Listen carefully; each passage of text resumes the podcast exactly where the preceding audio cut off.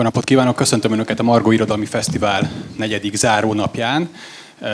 A mai első beszélgetés egy nagyon-nagyon izgalmas kiadványnak a bemutatója lesz. A Bestiárium Hungarikum Csodás lények és teremtmények a magyar néphagyományban címet viseli a Cserkiadó gondozásában megjelent kötet. A három szerzővel Magyar Zoltánnal, Német Gyulával és Pészatmár Istvánnal Sándor Anna fog beszélgetni. Mielőtt elkezdődne a beszélgetés, engedjék meg, hogy figyelmükbe ajánljak egy játékot itt a Margó Fesztiválon. Ez nem más, mint a Margó Polc címet viselő játékunk. Egy szinten lejjebb, hogyha a Bookline standjánál mindössze egy kötetet megvásárolnak, akkor akár egy egész évre elegendő olvasnivalóhoz is juthatnak, hogyha önöknek kedvez a szerencse. És ami még egy fontos bejelenteni való a beszélgetés előtt, hogy a beszélgetést követően a szerzők nem sietnek és szívesen dedikálják a könyvüket itt a bejáratnál, úgyhogy aki már beszerezte ezt az igazán színes kötetet, vagy akár most szerzi be, annak jó lehetősége van arra, hogy alá is írassa azt a szerzőkkel. Jó szórakozást kívánok Önöknek, és át is adom a szót Sándor Annának. Jó napot kívánok! Köszöntök mindenkit itt a Könyves Magazin színpadján a Margó Fesztiválon, és köszöntöm elsősorban a szerzőket, akik ezt a csodálatos könyvet létrehozták nekünk, és köszönöm a Cserkiadónak és Vas Gabriela szerkesztőnek is a lehetőséget, hogy ma beszélgethetek veletek. Így a bemelegítő körnél azt szeretném kérni, hogy mondjátok el, hogy van-e olyan lény, illetve nem is, választodok egyet, aki különösen tetszik nektek, vagy izgalmasnak tartjátok, és miért? Hát ez elhangzik ez a kérdés szinte mindig. Nehéz persze választ adni, hiszen mindig az a legkedvesebb, akiről vagy akivel foglalkozik az ember általában. Ha mégis így élére kell állítani a dolgokat, akkor azt tudnám mondani, hogy a lányok. Mondjuk a ez, ez már kettő. A kötetből értem. A kötetből. kötetből. Hát persze adná magát a boszorkány is, de, de az egy speciális dolog, mert vannak férfi boszorkányok, még a koltás népi kultúrában is, és hát a boszorkányperekben pedig aztán pláne hemzsegnek ők is. De a kérdésre konkrétan válaszolva kettőt mondanék. Egyrészt az egyik egy ilyen kárpáti kelet-európai jelenség lenne a vadleány Szepességtől lényegében a dél erdélyig, a Kárpátok gerince mentén, jobbra és balra, bruszin, román, és hát természetesen a magyar népi kultúrában ez egy, ez egy nagyon népszerű és színes hiedelemlény. Hát a másik pedig a tündérek. A tündérek, akikről, vagy hát idővel persze majd talán általában is, de, de addig is tündér Ilona kapcsán tervezek összeállítani egy, egy, egy külön folklór kötetet szöveggyűjteménnyel, elemzéssel. Köszönöm Isten. Sorban megyünk? Jó, hát megpróbálok röviden válaszolni, ez amúgy egy fél órás válasz lenne, mert szerintem nagyon nehéz, és a Gyuszi egyet fog érteni ezzel, remélem, hogy nagyon más grafikusként válaszolni erre, meg, meg szűzolvasóként, mert hogy mi azok voltunk, ugye elsőként olvastuk a szöveget. Grafikusként nyilván azt számít, hogy melyik, milyen kulcs momentumokat tudsz megragadni, illetve hogy mondjuk azokat az elkoptatott vizuális közhelyeket elkerült. Tehát mondjuk ilyen szempontból nem a csodaszarvas volt a kedvencem, meg nem a turul madár, mert ugye most egy turult lehet felülről, alulról, vagy nem tudom, még ilyen pózokban lerajzolni, tehát olyan nagyon izgalmasat nehéz belőle kihozni. Olvasóként nekem ö, talán két lény ragadott meg leginkább a figyelmemet, az egyik a Lidérc, és azért, mert hogy ebben látom a könyvnek az egyik nagy erősségét többek között, hogy a Zoltán szövegeinek sikerült egyfajta válaszfalat lebontani a, a népi kultúrának egy ilyen furcsa, kicsit ódivatú felfogása és a jelen valóság között. Magyarán, hogy, hogy úgy gondolunk a népi kultúrára, hogy a, mint ez a kicsit ez a kedélyes, pszichedelikus vonal, mint a népmességben, hogy a madarak szájából kijönnek és virág, és mindenki ilyen kedélyes, meg ravasz, meg, meg vidám. Ehhez képest ezek a figurák nagyon élőek. Tehát nagyon sok kapcsolatuk van a mával, tehát a Lidércről elmondhatjuk, hogy ő rátelepszik az ember mákasára éjszakánként, azért szerintem így 30 fölött minden értelmiségi ezt átérte már egyszer. Tehát, hogy, és hogy a másik ilyen figura ugye a, a Nora, akit mondhatjuk, hogy a magyar vámpír, csak egy kicsit ilyen Dracula light jelleggel, tehát hogy nem vérszívó, hogyha jól idézem föl, hanem, hanem megszopja az ember, hát jobb esetben mellét, illetve hát a, olyan funkciója is lehet, hogy a bűnöket, vagy bűnös gondolatokat kiszívja, ami meg egy elképesztően remek, hogy mondjam, mentálhigiéniás kollaboráció, tehát hogy ezek, ezek a lények voltak, amik engem megfogtak leginkább. Én is a vizuális oldalról közelíteném meg, de egy kicsit máshogy. Tehát nekem, nekem mindig azok a mm, kedvenc alanyaim, ahol, ahol legnagyobb szabadságom van, tehát hogy ö, ami a legkevésbé megfogható. Tehát abszolút rád van bízva, hogy te hogy képzeled el azt a bizonyos lényt. Tehát, hogy én azokat az absztrakt figurákat szeretem például, mint amikor meg kellett jeleníteni a halált, vagy, a, vagy egy kísértetet, mindenki úgy nő föl, hogy hal millió kísértett történetet, lát millió kísértetet filmen, illusztrációkon, stb. És akkor az ember próbálja úgy megközelíteni, ahogy még nem látta, vagy ahogy az neki a legijesztőbb, vagy ami a legijesztőbb benne. És én ezeket szeretem leginkább megfogni. Köszönöm. Azt gondolom, hogy akik most itt vagyunk, nagyjából azért vannak fogalmaink arról, hogy mit jelent a bestiárium, mint műfaj. Mégis azt szeretném itt a legelején, hogy egy ilyen kis alapozásként így nagyon röviden, Zoltán, hogyha összefoglalnád, hogy mit kell tudni erről a gyűjteményes, nagyon régi műfajról. Igen, hát alapvetően azt, hogy a bestiárium egy, egy az antik időkig visszanyúló forma, műfaj, ami, amely azt öleli fel, hogy különféle olyan mitikus jellegű, különleges állatoknak a gyűjteményét mutatja be, melyek a való világban vagy nem léteznek, vagy más formában léteznek, és hát mindez kiegészül természetesen a különféle hát igazabb szörnyekkel, fenevadakkal, hasonló teremtményekkel. Amikor felve, felmerült ez az ötlet, hogy, hogy el kellene készíteni egy magyar bestiáriumot, lévén, hogy ilyen a könyvpiacon, illetve a magyar kultúrkörben korábban nem létezett, akkor innen indultunk, hogy, hogy egy ilyen, ilyen mitikus állatgyűjteményt, fenevad prezentáljunk az olvasók felé, de, de aztán időközben módosult a, a koncepció, és, és úgy döntöttünk, hogy, hogy ezt valamelyest kitágítjuk, kibővítjük egyéb mitikus, természetfeletti lényekkel és szereplőkkel. Így került a, a kötetbe külön-külön fejezetekre tagolva még hát egyéb mitikus lények csoportja, a kísértettől a szépasszonyig bezárólag. Néhány átváltozó jellegű lény is ismert a magyar folklórban, Farkas ember Prikulics alapvetően, és, és mint egy függelékként még néhány olyan természetfeletti képességű, mágikus erejű személyt, tehát konkrét embert is beemeltünk a kötetbe, melyek valamilyen szinten mégiscsak e, ebbe a csoportba is bele tartoznak, belekapcsolódhatnak. Azt írjátok a bevezetőben, hogy nem tudunk arról, hogy lett volna ilyen kifejezetten a magyar kultúrkörre vonatkozó bestiárium korábban. Így valamennyire adja magát, hogy persze abszolút hiánypótló a, a kötet, de hogyan jött a konkrét ötlet, és hogyan találtatok így egymásra, ti hárman? Hát ez egy nagyon mm, tehát, hogy ez egy, nem is tudom hány évre kell visszatekinteni, hogy az elejét megtaláljuk ennek a történetnek. Nem akarom nagyon hosszúra húzni, tehát a, a filmes szakzsargonban van egy olyan kifejezés, hogy production hell, vagyis hát produkciós halál, ami, vagyis uh, pokol, ami azt jelenti, hogy egy projekt vergődik ide-oda, amoda sok hosszú évi, évekig, és uh, vagy elkészül a végén, vagy nem. Szerencsére ez elkészült, de nagyon sokáig ilyen produkciós pokolban vergődött. 2016 körül kerestem először néprajzkutatót, aki tudna nekem segíteni egy album létrehozásában, és emlékszem, hogy március 15-én kellett nyitva tartó kocsmát keresni, hogy beüljek oda egy, egy úgy éppen hirtelen felbukkanó szakértővel, és beszélgessek erről a történet. Késő, később ő nem, nem dolgozott ezen a könyvön, de, de hát nagyon sokáig emiatt ötlet is maradt csak.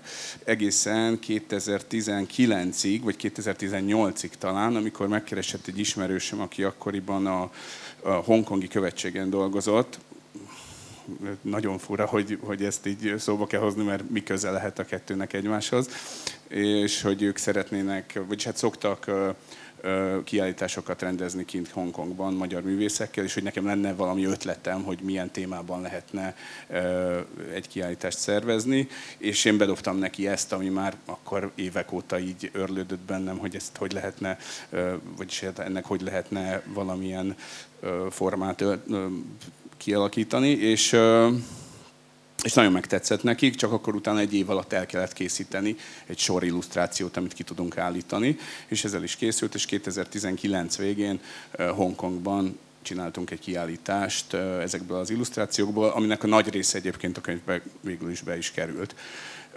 Egyébként pont akkor voltak ilyen nagyon nagy zavargások Hongkongban, és én nagyon féltem attól, hogy senki nem fogja ezeket megnézni. De aztán végül is sikerült úgy összehozni a dolgot, nem tudom, hogy hogy, hogy de tényleg viszonylag sokan látták.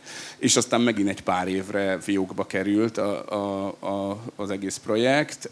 Egészen addig, talán 2020-ig, 2020-ig, amikor is az István ugyanúgy a, a cserkiadót, aki egyébként ő is dolgozott már a cserkiadóval korábban, és megkereste a cserkiadó vezetőjét, Vörös Andrást, hogy lenne egy ötlete, mi lenne, ha csinálnánk, egy, vagy csinálna ő a cserkiadóval közösen egy bestiáriumot, amire azt a választ kapta, hogy ez a sztori, ez már, ez már itt különböző igen, problémákba aztán...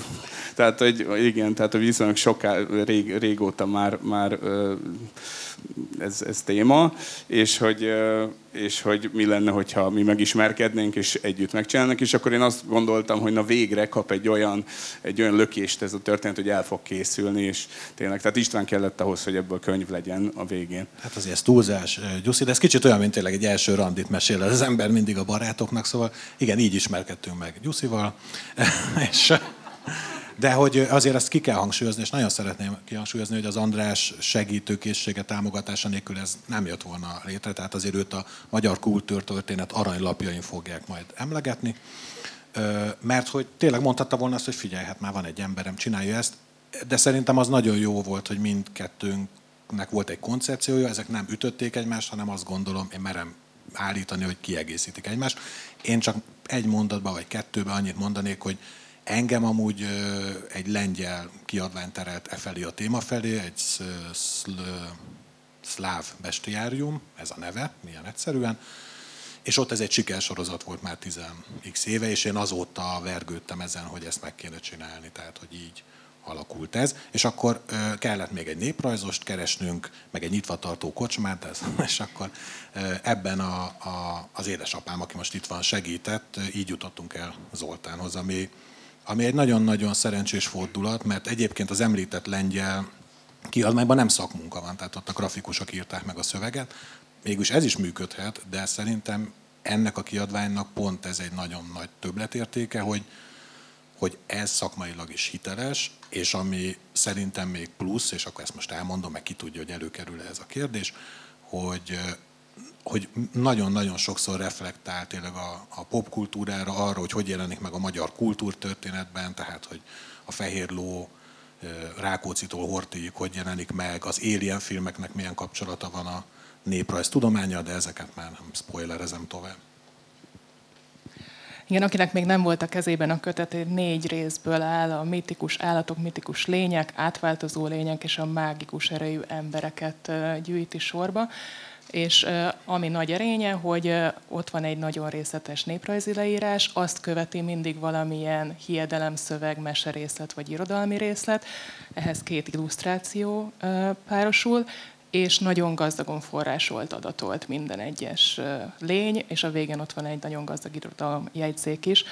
Most itt már említettétek azt, hogy nektek is két külön koncepciótok volt és aztán megérkezett a néprajzos szakember is. Hogyan válogattátok össze, hogy végül is pontosan kikerüljön bele, vagy mi kerüljön bele a kötetbe? Tehát mi volt, nem is tudom, a, beugró szint, hogy ő már belefér, ő meg még nem? Ez Zoltánra bíztuk egyébként az elejétől fogva.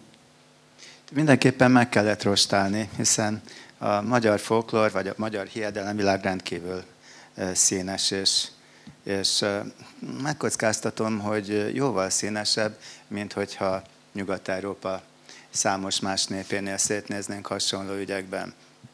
De, de a fő szempont az alapvetően mégiscsak az volt, hogy a magyar kultúrában, a magyar néphagyományban mennyire elterjedt az adott hiedelem alak. Van olyan, erről majd, lehet, erről majd bizonyára beszélünk is, hogy nem a teljes magyar nyelvterületen, hanem csak egy-egy régióban, egy-két szomszédos tájegységen, de ott viszont nagyon meghatározó. Tehát, tehát ez volt a fő szempont, és, és mindazok a rendkívül különleges, színes, de, de csak egy-két faluban, egy-két adatközlő által ismert hiedelem, lények, szereplők, melyek még szóba jöhettek volna nagy számban, ők, ők nem kerültek bele. Talán majd egy, egy folytatásban, igen, bár ez, ez nem valószínű, hogy egy ilyen kötetet összeállítanánk. Tudnál egy példát mondani? Mert hogy... majd utána arról beszélünk, akik benne vannak, de hogy ki az, igen. aki például kiesett? Hát például van magyar kentaur is de csak néhány faluban akadtunk, akadtam a nyomára. Erdei nyilas néven emlegetik, Erdélyben, néhány erdélyi faluban találkoztam vele, tehát ő például ilyen, de, de számos mitikus állatot is tudnék mondani. A, említetted már a tündért a, a beszélgetés elején, és hogy róla, róla tudjuk, illetve te is leírod, hogy erős például, a, tehát erős a szláv népeknek a hatása abban, hogy mi milyennek ismerjük ezt az alakot. Kik azok a, a könyvben, vagy mik azok a könyvben a nagyon nyilvánvaló turul és csodaszarvas leszámítva, vagy azokon túl, a, a, amikről tudjuk, hogy ez, ez nagyon-nagyon régóta kíséri a magyar kultúrkört? Hát ide érdemes lenne egy nyelvészt is akkor ide ültetni, mert, mert sokszor a, a nyelvészeti értelmezés adja meg annak a magyarázatát, kulcsát, hogy milyen régi lehet. Gondoljuk csak bele, hogy a boszorkány szó, például török eredetű, ótörök, köztörök eredetű kifejezés. Vagy az említett tündér. Tündér is egy, egy beszélő tabunév, tünde, eltűnő, tehát valami ilyen, ilyen jellegű figurát jelenített meg. De kérdésre válaszolva, sokszor ez, ez, ez manapság már nagyon nehéz ezt megítélni, hiszen, hiszen nem maradtak fent források, vagy, vagy ami, ami egy-két forrás az Árpád-korból ismert, az, az, az egészen más hiedelem lényt testesít meg, mint amit mi manapság az alatt értünk. Gondolok, például a, gondolok például a Könyves Kálmán törvénykönyvéből sokat emlegetett terminusra, hogy boszorkányok pedig nincsenek.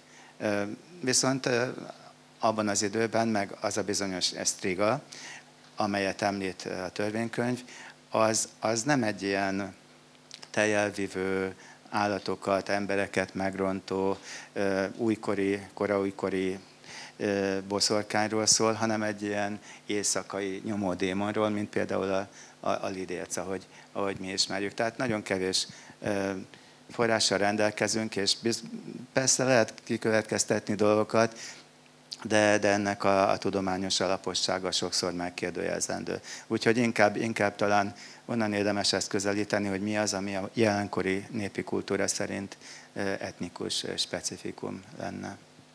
Vannak ilyenek is. Például? Például, hát említettem a vadleányt, ott persze ruszin és román szál is van, de, de hát például, például a kincsőző fehér ember ilyen lenne. Ez is, ez is csak Erdélyben ismeretes, de, de más néven és más formában őszember néven a teljes magyar nyelvterületen. Ő a kötetben szereplő figurák többségével ellentétben nem egy átó hiedelemlény, hanem egy abszolút jó szándékú valaki, természetfeletti lény, tehát nem, nem halandó. A fő szerepköre, funkciója az, hogy, hogy elvezeti a földben rejlő kincsekhez mindazokat a szerencséseket, akik hát vannak olyan bátrak, hogy megszólítják őt, vagy átnyújtanak neki egy fehér lepedőt. Egy ilyen tetőtől talpig fehérben megjelenő őszakáló, őszhajú, fehérruhás lényről van szó, így kell nagyjából elképzelni, vagy kicsit tán úgy, mintha ő lenne a magyar Gandalf. Említetted már, hogy vannak itt tájegységi különbségek, Igen. és hogy tudnál esetleg olyan lényt mondani, akit akár mondjuk kisebb variációkkal, de ugyanúgy ismernek mondjuk Zalában, Borsodban, és mondjuk egy csángó ember, vagy mik azok, akik például egy-kettő, aki meg ilyen nagyon-nagyon, csak ilyen tűzszúrásszerűen, specifikusan csak egy régióban ismert? Az előbbiből van több értelemszerűen, kísértetről mindenütt beszélnek, boszorkányról mindenütt beszélnek. A lidécről mindenütt beszélnek, bár az, az már például egy nagyon érdekes dolog, hiszen, hiszen más-más a megnevezése, más-más a megjelenési formája, és más-más a tevékenységi köre. Teszem azt az őrségben, vagy a Palócföldön, vagy Szeged környékén, vagy a moldvai csángoknál. Ami így speciális... Ez most, bocsánat, ez most azt jelenti, Igen. hogy mondjuk ismerünk négy lidércfélét, és akkor mondjuk az egyik részen a lidérc így. sírkét ismerik, igen, a másik igen. részen pedig a Pontosan, nyomó szellemet. Igen, erről van szó, hát kicsit jobban kifejtve. Tehát a peremterületeken, és ez, ez egy ilyen magyar, korai magyar történelem kapcsán is egy kutatandó téma lehetne, hogy, hogy itt ilyen népiség történeti összefüggések lehetnek-e, amit, aminek éppen a folklór tartotta fenn nyomát. Tehát őrségben, Göcselyben, Somogy déli részein, valamint a királyhágótól keletre. A lidérc az alapvetően egy, egy ördög szerető, egy a, a társát, távol lévő párját, búsuló, vagy elhagyott szeretőt megkísértő ördögi természetű lény, aki emberi alakot öltve meglátogatja, és, és hát gyötri addig, amíg az illető bele nem sorvad ebbe a természetfeletti kapcsolatba. Más vidékeken, például a Palócföldön, meg úgy általában az északi magyar nyelvterületen, illetve hát a Alföld javarészén is, a lidéc viszont egy, egy ördögszolga. Egy, ez ördögszolga persze más-más vidékeken is van, de, de ezeken az említett nagy régiókban egy, egy lidérc sírkének mondott, tehát egy ilyen, ilyen fekete tojásból kikelt satnya, csébe, csirke, aki, aki maga az ördög ugyanakkor, de, de nem az a démonikus ördög, hanem az az ördög, aki, hogyha jól bánnak vele, akkor, akkor pénzt hord a gazdájának, de veszélyes tartani, mert hogyha nem tudnak neki adni munkát, akkor, akkor az a gazdája életébe is kerülhet. A, igen, a specifikumokra még kitérve, tehát hirtelen kettő, kettő ilyen, ilyen példám, példám lenne. Az egyik a prikulics. A prikulics az tulajdonképpen, hát ahogy említettem is, egy, egy, egy, egy meghatározó, átváltozó lény. A farkas embernek egy erdélyi változata. Alapvetően a, a román folklorból érkezett hozzánk, a megnevezése is, Prikulicsi, onnan, onnan, onnan ered, de az utóbbi két-három évszázadban egy teljesen, teljesen erdélyi, teljesen magyar saját hiedelemlényé vált. Olyannyira, hogy amikor én a, az ezredforduló körüli években Erdély középső részein végigjártam majdnem az összes magyar lakta települést, mondát gyűjtendő, szinte minden, minden, minden faluban említettek még olyan konkrét szemét, aki Prikulics, magyarán, aki átváltozik, általában ugye, hogy ismerjük a, a, az ilyen farkasember filmekből is, hol töltekor kutyává, és, és járja a falut, a hatát, bolyong, rátör a, a juhodájakra, és, és ilyen dolgokat követel. A, ha más népekkel összehasonlítjuk a, mondjuk a magyar bestiáriumot más bestiáriumokkal, akkor vannak-e, vagy mik a, a kiugró jellegzetességek? Olyasmire gondolok, mint hogy írod egy ponton, hogy, hogy helyi szellemekben feltűnően mm. szegényes a magyar néphit, viszont európai szinten meg kiemelkedően magas az olyan történetek száma, amiben természetfeletti képességű emberek szerepelnek, és ezen belül is a boszorkány kifejezetten magas. Igen, alapvetően ez a, a fő különbség.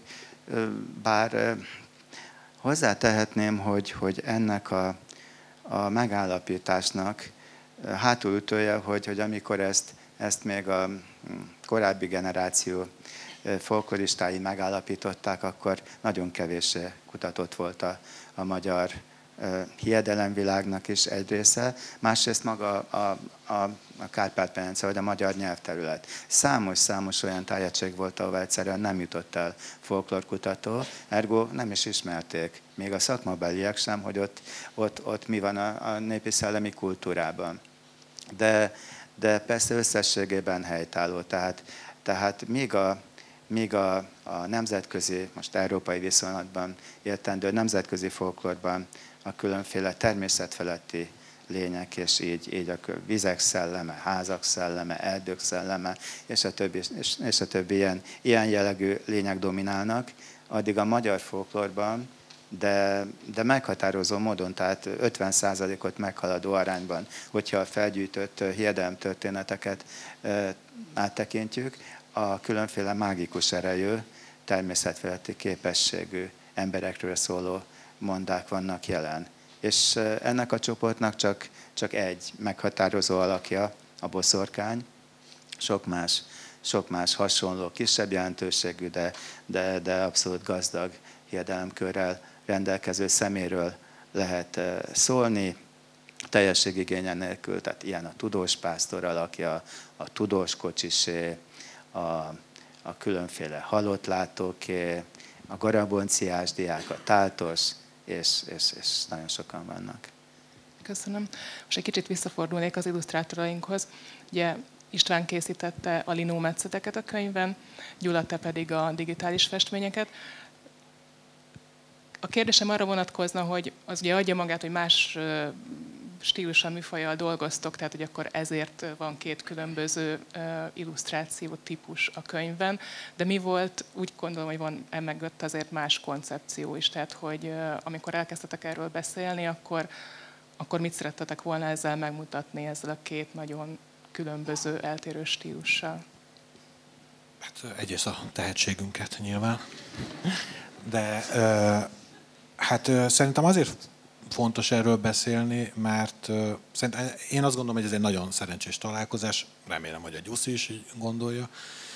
Viszont ennek annyi előzménye van, és ez a könyvhöz is kapcsolódik egy picit, hogy én mielőtt még megkerestem az Andrást, azelőtt pont valamiért rám tört ez a linómetszési vágy, ami azért egy, nem egy olyan kellemes állapot, mert nagyon macerás dolog linót metszeni, senki ne próbálja ki otthon, és Viszont, hogyha az ember így elkezd ugye manapság egy új technikát megtanulni, akkor elkezd ilyen Insta oldalakat nézegetni, tehát most már nem kell elmenni egy öreg mesterhez, hogy tőle tanulja meg a dolgokat, meg az élet nagy bölcsességeit meghallgassa, hanem akkor keresgéltem ilyen printmakeröket, és találtam egy hölgyet, aki például Angliában a művészet történész, és ő az angol mitológiát dolgozta föl metszetekben. És akkor e- ezután már elég egyértelmű volt nekem, hogy ez lenne az irány, és akkor itt adom át a szót Gyuszinak.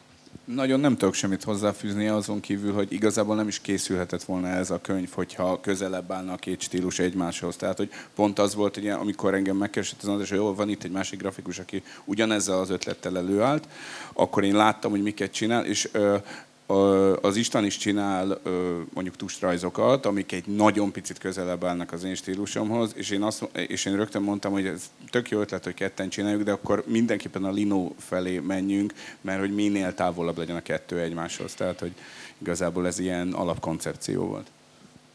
Mi? Bocsánat, talán annyi, hogy, hogy szerintem ennek van egy jó narratív funkciója is tehát valaki valahol, mert már jelentek meg, hála Istennek a könyvről egész érdekes helyeken recenziók, tehát magáénak érzi már a metálos közösség és a szerepjátékosok világa, és hála Istennek. De hogy az kimond, volt, aki kiemelte, nem tudom már hol, hogy, a, hogy ezek, az, ezek a metszetek valahogy egy kicsit ezt az arhaikus hangulatot tudják hozni, tehát hogy, hogy ahogy régen elképzelték ezeket az élőlényeket, ugye nyilván ennek van egy sutasága, tehát nem azért dirib darabos némelyik rajz, mert én nem tudok faragni, hanem mert nehéz faragni. Viszont a, a, a, a Gyuszinak a műveire mondta ez az illető, hogy az pedig egy ilyen ez a kortás nyomasztás van benne, tehát hogy milyen lenne, hogyha ezek a lények betörnének a világunkba. És, és itt ezt azért szeretném elmondani, hogy szerintem ennek a könyvnek ez az egyik nagyon nagy előnye a grafikával és a szövegekkel együtt, hogy és én, mint ugye nem néprajzos, nyugodtan mondhatok bármit erről a könyvről szakmai atlanul. Én azt gondolom, hogy, hogy, hogy csodálatos ezeket a szövegeket azzal a szemmel végigolvasni, és hozzá megnézegetni a rajzokat, hogy, hogy nincs időbeli távolság. Tehát, hogy ma mi, mi a pszichológia nyelvét beszéljük. Tehát az, ahogy a világot értelmezzük, az, az ma a pszichológia zsargonjával történik. Tehát a, korábban ez a vallás volt, és ezek a lények, ezek valószínűleg bizonyos szempontból léteztek, nem Zoltán? Tehát hogy, a, tehát, hogy beszéltünk erről, hogy a váltott gyerek az egy, az egy valószínűleg egy dankóros gyerek születésének a feldolgozása. Tehát, hogy volt egy, volt egy pszichológiai teher az embereken, és ezeknek a lényeknek a segítségével oldották meg, és hogy ezek tovább élnek, és hogy mennyire tovább élnek, bocsánat, ezt ma reggel lőttem, és ezt meg kell mutatnom, ez egy mai hír, egy hírportálon, a BLM szobor és a Fingó vitéz után terepjárót elragadó turul borzolhatja majd a kedélyeket Ferencvárosban. Tehát itt ebbe vagyunk ö, most is. Szép új középkor. De igen, tehát csatlakozva István megjegyzésére, ami az emberek fejében megfogalmazódott, és hittek benne, az létezett is az ő világokban. Ezzel én is egy-két évtizede még napi szinten találkoztam a északi magyar nyelvterületet, vagy, vagy Moldvát járva. Ha jobban utána ásunk, Ugye már száz éve van ez a folklorisztikai közhely, hogy az utolsó órában van a folklorkutatás, és most tényleg. De, de ennek, ennek alapvetően az az oka, hogy, hogy a mostani 80 pluszos generáció az utolsó olyan generáció, aki még a, a kollektivizálás előtt nőtt fel. Tehát abban a hagyományos paraszt életrendben, hagyományos faluközösségben, hagyományos közösségi alkalmakban, melyek ugye az 50-es évek táján szűntek meg. Egy-két, egy-két arhaikus kultúrájú vidéken, lásd Erdély vagy Moldva, vagy, vagy hát északon, ott, ott még, még ez kitolódott esetleg egy-két évtizedig, de, de, de, de most már ilyen, ilyen történeteket nem lehet gyűjteni. Mást lehet, ahogy el is hangzott, különféle modern mondákat. És, és itt, a, itt a, a jövő e tekintetben, amit persze csak részben tudunk elképzelni, hogy majd egy évszázad múlva miben fognak hinni mindazok az emberek, akik hajlamosak hinni ilyesféle, ilyesféle dolgokba, vagy egyáltalán a, a természet felettibe. Hát igen, és a könyvben ugye van a, a tó ökre, ugye, ő, aki, aki valójában egy szalamandra lehetség, vagy egy, vagy egy gőte. Nem? Nem, nem, az más. Akkor jó, ezt mindig, ezt mindig elrontam, jó, akkor a másik. Jó. Ő a szalamandra, igen, amit igen, igen. A, hát, legtöbb helyen víziborjúként emlegetnek a, a, a népi igen. kultúrában. De hogy őt azért hoztam szóba, és hogy... Ő, igen, igen, ő, ő számos aspektusában nagyon emlékeztet a, a, az Alien filmekre. Ugyanis, ugyanis az ő története alapvetően az, hogyha ha bekerül az emberi szervezetbe véletlenül, vagy sokszor rontás eredményeképpen, tehát egy leánya a, a riválisát megitatja, megéteti vele, akkor, akkor a, annak a Ja igen, bocsánat, kiadtam egyik ilyen kulcsmotivumot, hogy, hogy a, a víziborjuk porrá őrölt, tehát megszállított és porrá őrölt részeit isszák, megeszik meg, és ezek a, ez, ez a por igazából nem, nem pusztul el az ember szervezetében, hanem új életre kell. Számos, számos, számos ilyen kis vízivórjú sarjad belőle, és, és egy adott ponton kirágják magukat az illetőből és, és aztán az lesz a végeredmény, ami a ilyen filmekben is. De hogy felvetődött bennem, hogy ez egy tényleg egy ilyen arhetipikus dolog, mert amikor én gyerek voltam, akkor a import banánokban volt a pók, ami kikel a, a nő arcából, tehát hogy ez egy igen, tovább igen. él. Ez, ez, ezek már a modern mondák. Majd, erre mindenképpen rá szeretnék térni. Csak még egyet visszalépve, hogy így a modernizálódás irányába, hogy mondtam az elején, hogy, hogy a, a forrásolása fantasztikus a könyvnek, tehát hogyha valaki tovább akar olvasni, akkor bőven talál olvasni valókat. viszont a, a te gyűjtéseidet, munkáidat is, amik ilyen 2000 körüliek, abból az látszik, hogy itt azért több olyan alak van, amit eldugottabb régiókban, akár a, a, a tényleg még az ezredfordulón is valamilyen formában hittek benne az emberek. És arról egy kicsit kérlek, hogy mesélj, hogy a 20. századnak a tömegkultúrája, a technológia hogyan befolyásolta ezeket a lényeket. Nekem az egyik kedvenc példám az a röntgennek a megjelenése, a, a gyomorba megfészkelő kígyó felfedezésére, de mesélj erről egy kicsit. Alapvetően én úgy látom, hogy nem befolyásolta. Tehát a két, a két világ, a két ilyen tematikus csoport elkülönül. Ahhoz, ahhoz azt hiszem, hogy részben meg kellett, hogy halljon, vagy, vagy a szemünk láttára alá merüljön ez a hagyományos, tradicionális világ, hogy fel tudjon nőni ez az új képzetkör, ami, amiről már itt volt egy-két elesett szó.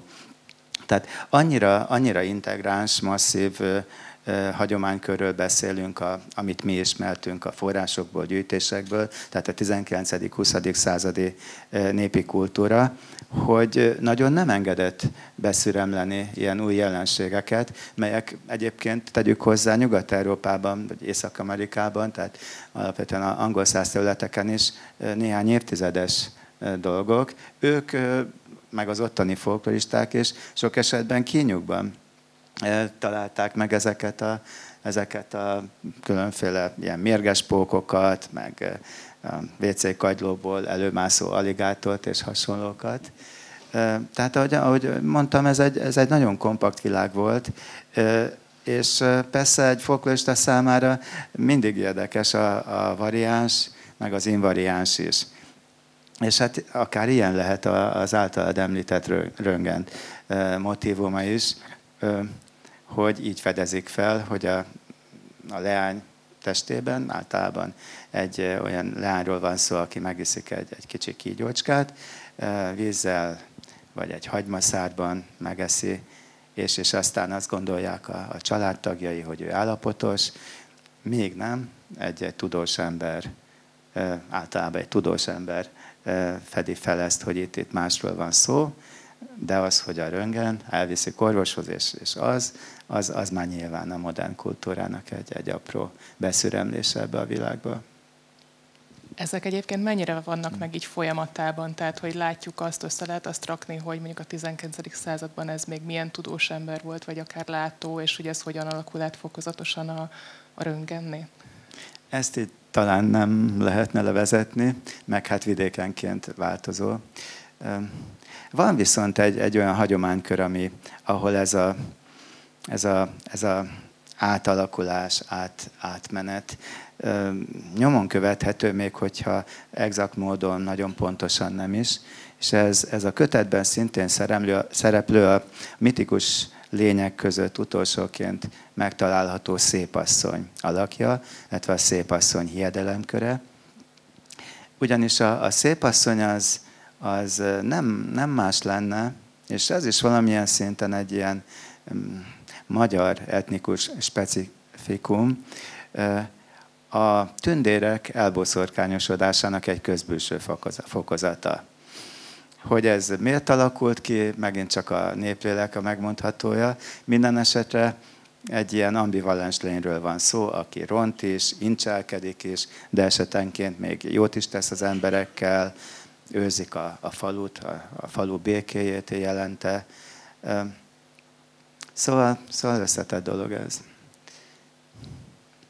Még egy kicsit szeretnék visszatérni hozzátok, hogy amikor, mert itt ugye arról beszélünk, hogy ez még egy élő, élő hagyomány, élő hiedelem, a gyűjtéseknek hasonl, köszönhetően azért a tárgyi kultúrából is elég sok ábrázolás fennmaradt, amit ismerhetünk, hogy az illusztrációknál miből inspirálódtatok? Tárgyi kultúra az úgy adja magát, de például volt-e olyan, amikor, amikor nem volt ilyen kiinduló pont, és akkor az mennyire a ti, teljesen a ti fantáziátokra volt bízva, vagy, vagy azért egyeztettetek, hogy mire kéne koncentrálni?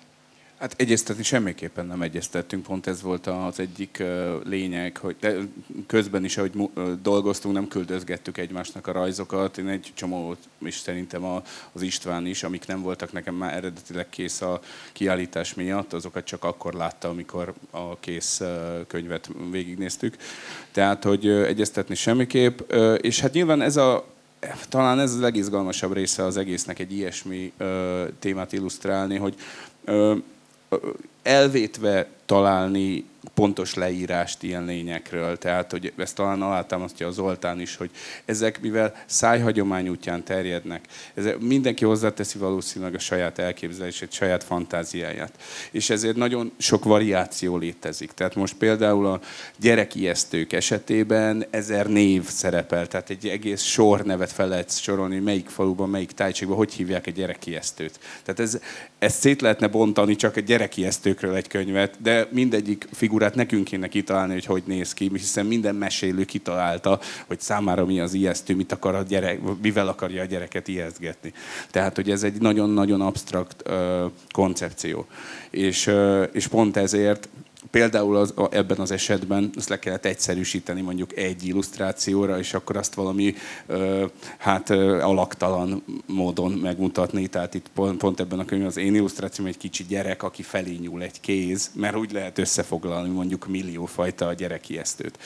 Tehát, hogy ez talán a legérdekesebb része az egésznek, hogy 150 évvel ezelőtt 500 évvel ezelőtt, nem tudom, nyilván tájegységenként és figuránként ez változik, hogy anélkül a, ö, hogy is mondjam, könyvtár nélkül, vizuális könyvtár nélkül, ami most nekünk van a 20. század után, és az egész 20. század termését mi ezt fel, mi fel tudtuk gyakorlatilag, vagyis össze tudtuk gyűjteni fejben, hogy hányféle farkasembert láttunk, hányféle ilyen-olyan szörnyet láttunk. Ez mind valahogy lerakódik az emberben. Nekik ez nem volt. Tehát, hogy ők gyakorlatilag tényleg csak, hát talán miket láthattak ők, talán ilyen egy-két valami metszeteket. metszeteket mondjuk, én nekem is az jutott eszem, de azon kívül nagyon más nem, tehát amit ott a faluba valaki le tudott rajzolni, vagy ilyesmi, tehát ez szerintem viszonylag ritka dolog volt. Tehát, hogy uh, teljesen szűz fejjel kellett gondolkozniuk. Hát nekünk ez a lehetőség már nem adatik meg, tehát ez, ez volt a, ez az egyik izgalmas része. Uh, a másik meg, hát igazából, hogy ha már ezt elfogadjuk, hogy ez hogy ebben mi nem tudunk dolgozni, akkor hogy kreálunk olyasmit, amit máshol nem láttunk. Tehát igazából így kellett felépíteni. Nekem legalábbis én így, így álltam hozzá. Isten? Hát olyan tökéletesen összefoglalta, csak rontani tudnék rajta, de uh, igen, hát igen. Hát például, most, hogy mondtad, a, a gyerekijesztősnél az egy nagyon, az egy nagyon jó fogás, amit alkalmaztál, hogy gratuláljak itt most. Nagyon szépen köszönöm. Mert tényleg, mert hogy, hogy, hogy ez, hogy vizuálisan azt megjeleníteni, hogy ott van valami, és soha nem fogjuk megtudni, hogy mi az, ez nagyon jó. Nyilván, nyilván a, a linometszéssel nem, ott más, más keretek és, és korlátok voltak. De akkor egy példát mondok, mert az konkrét, és ez már szóba is került, hogy a vérmedve. Ugye nekem egyébként ő is egy nagy kedvencem. Tehát szerintem ez adná magát, hogy ebből film legyen a vérmedvéből, nem? Nem, nem, nem. És, van, van kokain medve már. Jó, de, de egy magyar, hát azért, amiben az miért a szinkron hangja mondjuk nem tudom a, ke, nem tudom kicsoda, nem a, mondjuk a, mindegy, Mácsai Pál. És, de hogy, hogy, hogy, hogy mond, te, emlékszem, hogy a szövegbe olvastam, hogy ennek van egy ábrázolása egy freskón, és akkor ezt a freskót megtaláltam, hál' Istennek az interneten, de nem egész, őrzi a freskónak egy részét a figura, ugye Szent Lászlóról van szó, és egyébként itt még hozzá is kéne tenni, hogy mennyire nagyon jó figura a Szent László, és hogy mennyire alulértékeljük, tehát hogy ő azért sokkal több figyelmet kaphatna. És akkor még kellett ugye hozzá egy medvét pattintani, és most utólag ma jöttem rá, hogy, hogy az a medve, meg ahogy ott hátul ágaskodik, az kicsit olyan, mint a cápában, hogy ott, ott, ott jön föl, tehát hogy azért a popkultúra is benne van, szóval hogy ezek most, most látom, hogy így milyen izgalmas dolgokat csináltuk. Igen, a vérmedve szerepel, vagy hát általában a medve szerepel a kötetben, és ő bizonyos értelemben persze a farkas sem mondható igazán mitikus állatnak. Különféle történetek, melyek hozzáfűződnek persze már, már ide sorolnak, de az István által említett vérmedve, vagy, vagy a medve vérmedvei attribútuma, az azért messzebb vezet. Olyannyira messze, hogy, hogy az említett freskó, Székely Szentléleken, ez Székelyudvarhelytől északra egy, egy, egy falu, egy gótikus templommal. Annak a falán, északi külső falán, ami már megint csak egy ilyen atipikus megjelenítés, került elő, tehát néhány esztendeje, egy, egy, egy olyan középkori freskó, amely Szent László királyt ábrázolja, éppen egy, egy medvével viaskodva, amint, amint leszúr egy, egy medvét. Hát nyilván nem egy, egy, egy kis Teddy maciról van szó. És ezzel itt lezárulna a történet, igen ám, de egy lengyel humanista, bizonyos Paulus Krostensis Rutenus 1509-ben írt Szent Lászlóról írt dicskölteményében, ő néhány esztendőt ott töltött Váradon, ami hát akkor még Szent László, a Szent László kultusz fő, fő helyszíne volt.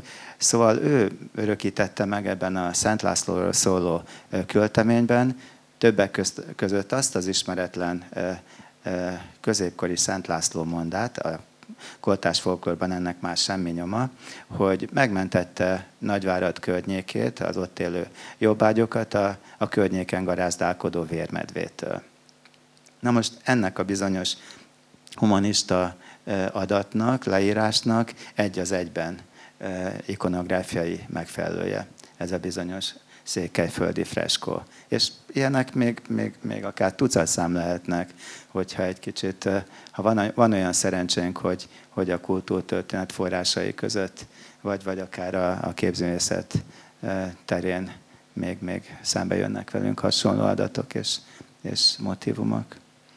Még annyit szerettem volna hozzátenni, tenni, visszatérve az egyeztetésre, hogy mennyire jó példa arra, hogy van egy ilyen kollektív vizuális könyvtárunk, hogy bár nem egyeztettünk, de egy-két figuránál a végén kiderült, hogy majdnem pont ugyanazt rajzoltuk. Tehát, hogy például a, a boszorkánynál egy majdnem tök ugyanolyan boszorkányt rajzoltunk, és persze szerencsésebb lenne, hogyha ezt, ez tehát valamelyikünk megváltoztatta volna, hogy ne legyen ennyire közel a kettő egymáshoz, de hát végül is így, így eredeti a dolog. Tehát.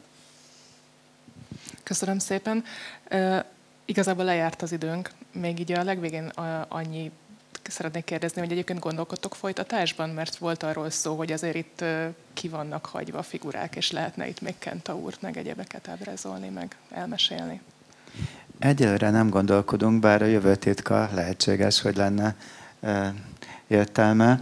Inkább egy olyan folytatásban gondolkodunk, hogy, hogy vannak olyan hiedelemkörök, olyan hagyománykörök, melyek önmagukban is annyira gazdagok, és, és tipológiailag, tematikailag annyira sokszínűek, hogy, hogy akár egy önálló kötetet is megtöltenének, mind szöveg tekintetében, mind pedig mind, hát, különféle közelítési illusztrációk kapcsán.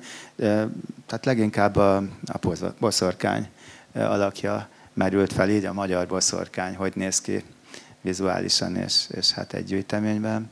De lehetséges, hogy akár a tündérekről is érdemes lenne, a magyar tündér hagyománykörről. Hát egyébként én látnám esélyt legalábbis az, a korábban említett lengyel példa, ez ezt mutatta. Tehát megjelent nagyjából 15 éve ez a szláv bestiárium, folyamatosan adják, nyomják újra, és ott már lényegében majdnem minden lengyel városnak van ilyen jellegű kiadványa. Ugyanaz a kiadó adja ki, de hogy akkor van a tudom, Lublin környék, és stb. stb. És tematikusan is, hogy akkor vízilények, sárkányok, egyebek. És hát, hogyha lesz még valami, hogyha újra kiadjuk ezt a könyvet, akkor mondjuk a plusz 15 százalék részfaszú bagoly, azt majd rá kéne tenni, mert, mert akármit, akármit mondhatunk erről a könyvről, Nagy mindig igényre. fölmerül, hogy de a részfaszú bagoly miért nincs benne? Pedig benne van amúgy. Pedig benne van, csak említés. Hát akkor tűzzük zászlónkra az részbagyot, és ö, sok sikert nektek a, a, a kötethez, a további bemutatókhoz. Én nagyon hálás vagyok ezért a könyvért, és szerintem itt sokan a, a megjelentek közül is. A szerzők dedikálni fogják most a bemutató után a, a kötetet, és nagyon szépen köszönöm, hogy eljöttek, és nagyon köszönöm nektek a beszélgetést. Mi is köszönjük. Köszönjük.